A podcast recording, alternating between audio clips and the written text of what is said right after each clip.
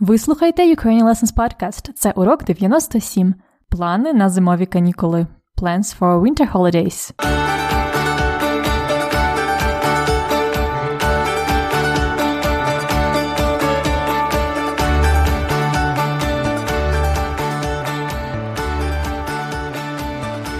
Привіт, друзі! Як справи? З вами Анна Огойко з черговим епізодом Ukrainian Lessons Podcast – аудіоуроків для всіх, хто вивчає і любить українську мову.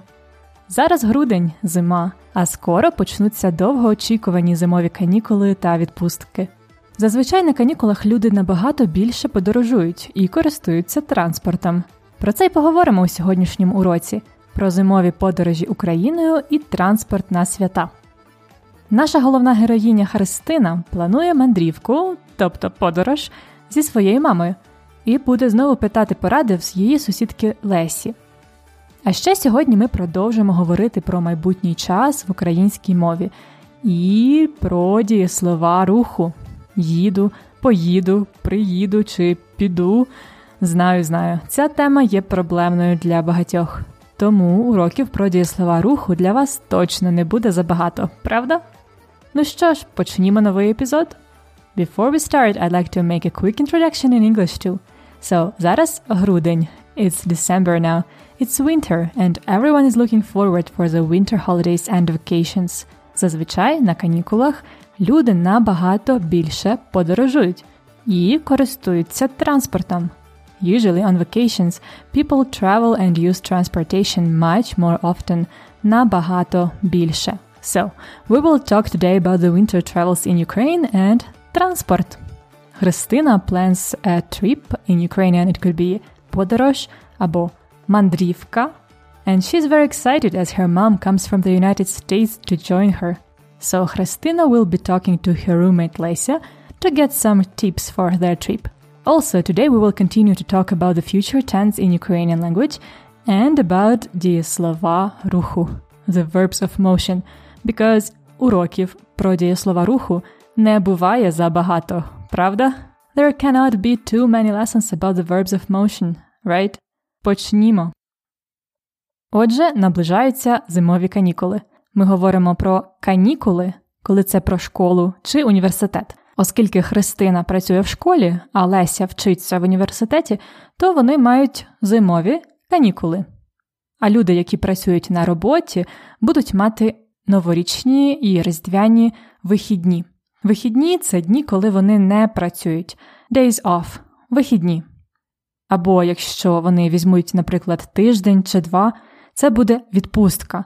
Vacation – відпустка. Послухайте, будь ласка, розмову між Христиною і Лесею і дайте відповідь на запитання, що буде робити Христина на зимових канікулах? І що будуть робити Леся і Орест на зимових канікулах? Що вони будуть робити? Це майбутній недоконаний час, тому що це різні дії в майбутньому, які не обов'язково будуть закінчені. So we are talking about the future imperfective tense. Що вони будуть робити? Because these will be different actions in the future that uh, won't finish for sure. So these are different uh, processes. So we use будуть робити. Добре, то питання такі: що буде робити Христина на зимових канікулах, і що будуть робити Леся і Орест на зимових канікулах? Готові слухати? Привіт, Христино! Що робиш? Ой, привіт!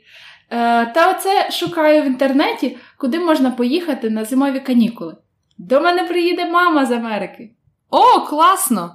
Ви будете подорожувати? Можете поїхати в Карпати на лижі чи у Львів. Там буде стільки всього цікавого на Різдво. Колядки, концерти, різдвяні ринки. Так, це було б супер. А ти що робитимеш на канікулах? Ой, ми з Орестом поїдемо до його батьків у Львівську область. Будемо знайомитись. Ого, це, мабуть, стрес. Угу, Я трохи хвилююся. Але ми будемо там тільки два дні на Різдво. А потім поїдемо в Карпати. Підемо в невеличкий похід. А як ви плануєте їхати у Львів? Ну, взагалі, ми хотіли їхати на поїзді, але вже немає квитків до Львова. Вже немає? Угу. Це нормальна ситуація перед святами. То як ви тоді поїдете? На автобусі? Ні, на автобусі це довго і нудно. Поїдемо, мабуть, на Блаблакарі. Але треба ще домовитись. Блаблакар? Це що таке? Ти не знаєш? Це такий сайт. Там можна шукати попутників, тобто машини, які їдуть у тому ж напрямку, що ти. З ними можна домовитись, заплатити їм і їхати з ними. Ого, це чудова ідея. Думаю, нас такого нема. Принаймні, я не чула. Це дуже зручно.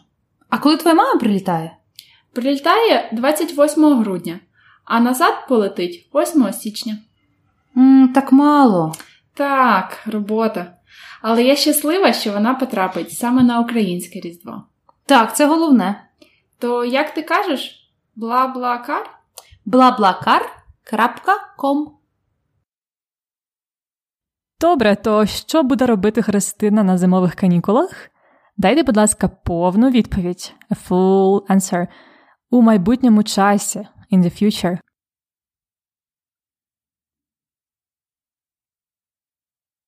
То що буде робити Христина на зимових канікулах? На зимових канікулах Христина буде подорожувати з мамою. Вони будуть подорожувати. До Христини приїде мама з Америки. А що будуть робити Леся і Орест на зимових канікулах?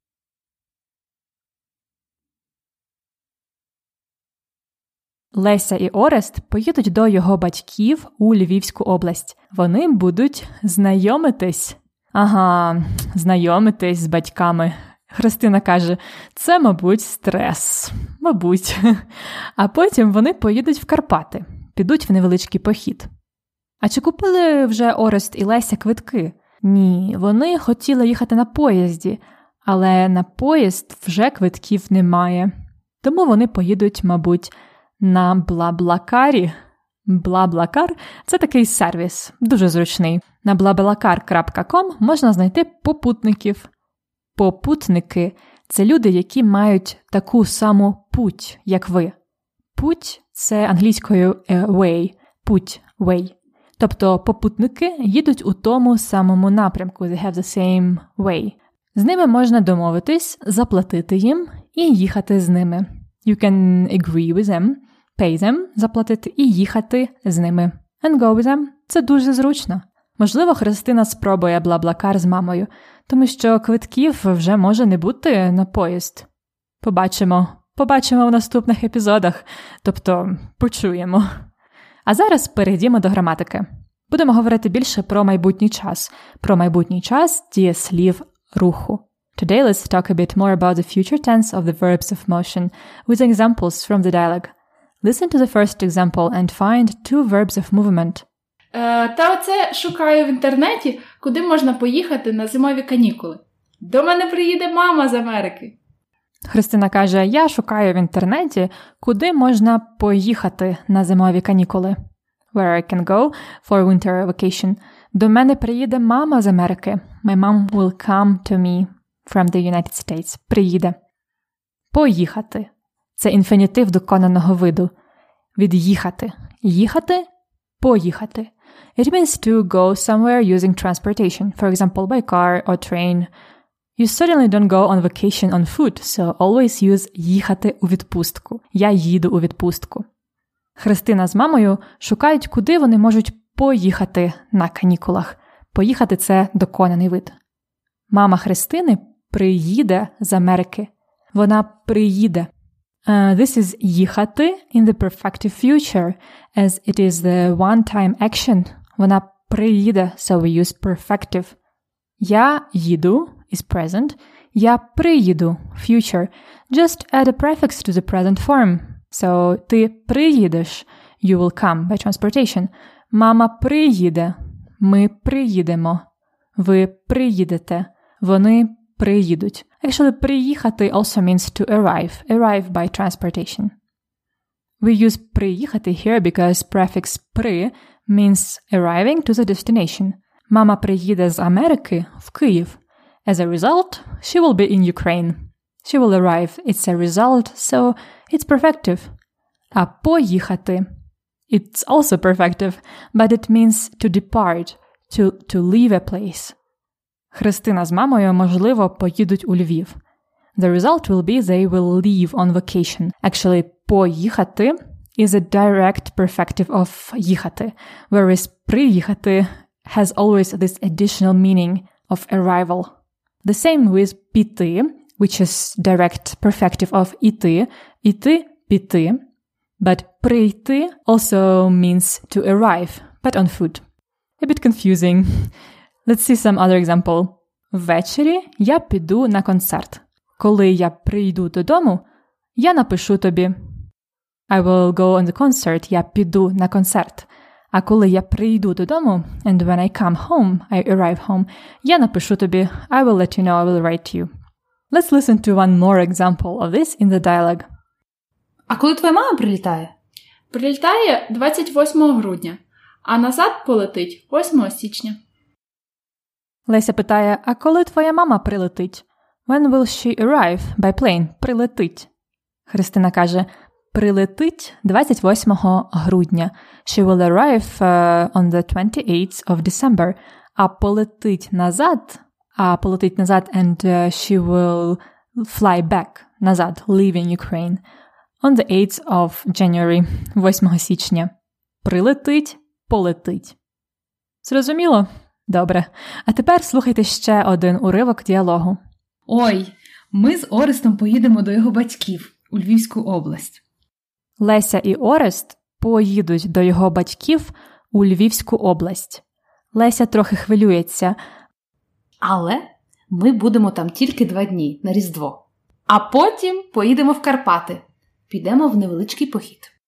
Але вони будуть там тільки два дні на Різдво, а тоді поїдуть в Карпати на кілька днів. Підуть у невеличкий похід. Вони підуть. They will go on foot this time. Вони підуть у похід. У похід they will go hiking on a small camping trip. Вони підуть у похід. Піти is a perfective aspect of іти. I in the future. I will go. Я піду.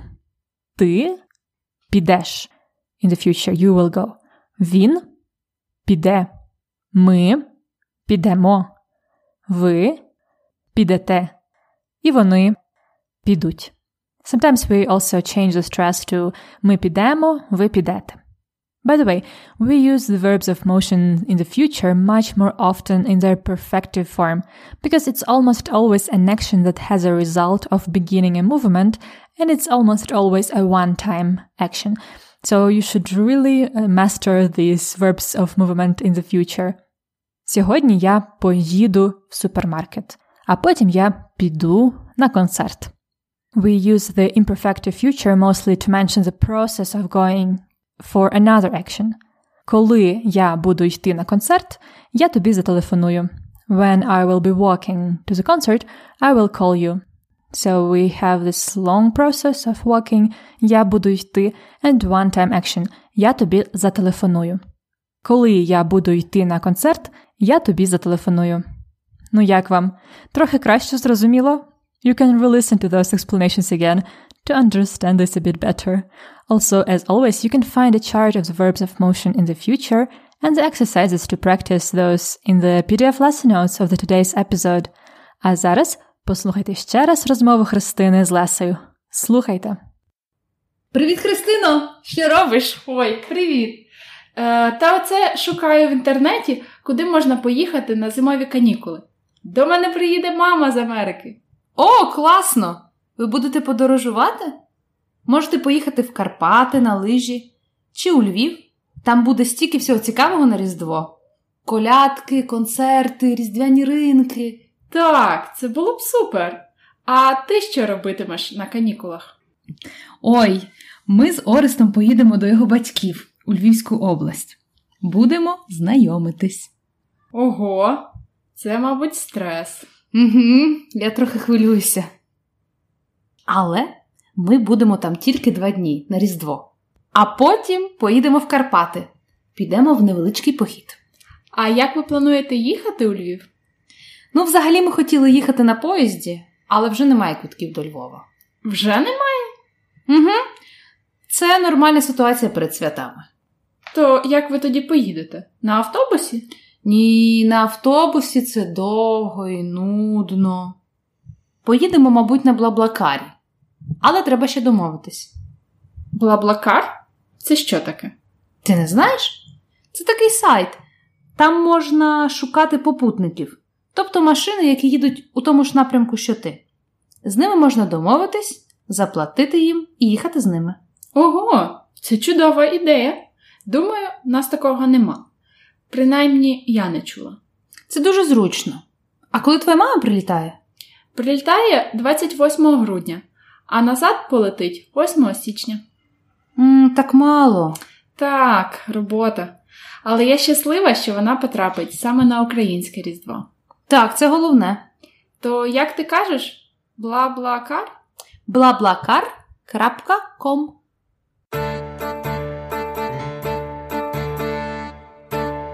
Дієслово дня.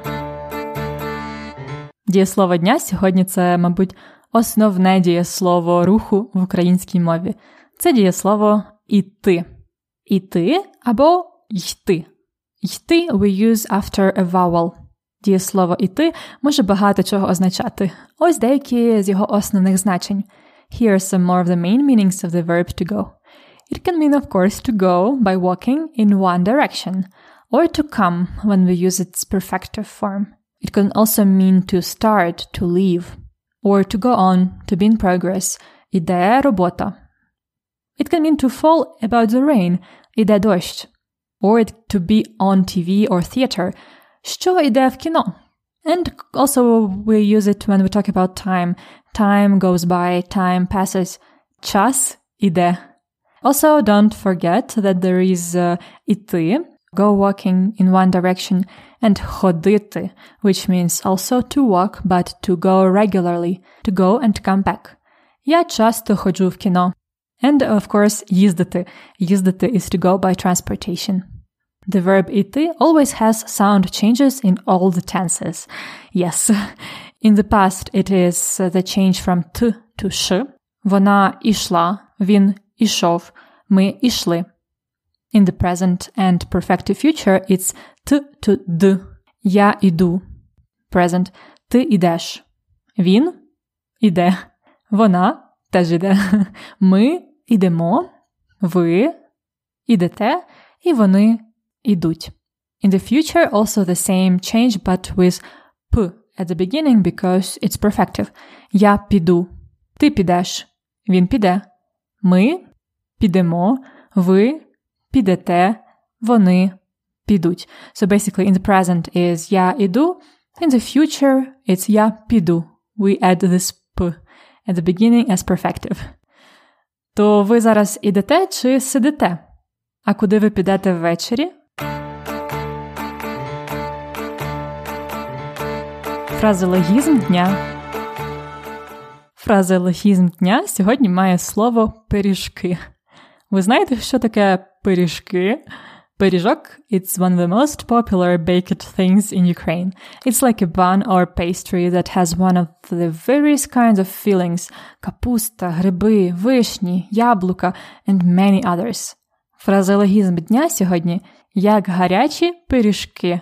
Literally like hot buns. It means to be sold or given away very quickly and effortlessly, especially in quantity, like hot cakes.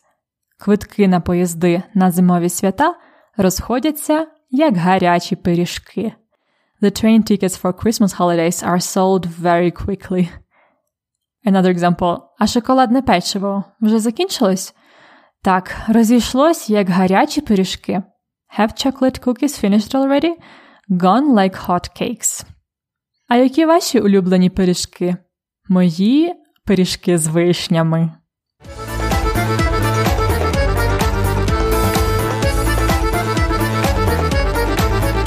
Культурний факт на подкасті: Як купувати квитки на транспорт в Україні? How do you buy tickets for the transportation in Ukraine? For the trains, the best way to do is online, on the official website with no commission. The website is booking.uz.gov like government.ua. I will leave you the links on the episodes page. This website is also available in English, but you don't need it. One thing to keep in mind about booking the train tickets. The tickets for the trains open 40 days before the departure. If you can book your ticket in advance, it would be the best, as you can choose your best seat. And as you have heard in the dialogue, for the holiday season, train tickets are being sold like гарячі пиріжки. People buy them in advance and there might not be any left. Same thing happens for Fridays and Sundays, the most popular days to travel by train. So book your tickets in three to four weeks in advance, and if you change your mind, you can easily return your ticket online for a small fee. For the buses, you can check the schedule at bus.com.ua. As for 2018, this site is quite basic and it's in Russian, but it has all the information and it's updated very well. You can also buy your ticket there with no commission, but usually it's better to get a ticket at the bus station before your departure or in advance. Try not to pay directly to the bus driver because the driver will probably just keep the money for himself and you will not get your assigned seat. Anyway, traveling by bus in Ukraine can be not so comfortable. As for me, it's a little bit less enjoyable than traveling by trains because I like trains. So if there is no train tickets for a destination, you can try to follow Lisa's advice and use blablacar.com. It's kind of a carpool service popular in Europe, including Ukraine. This way you could even practice your Ukrainian with a, with a driver. Now, when you know all about booking tickets for the transportation, ласкаво просимо до України.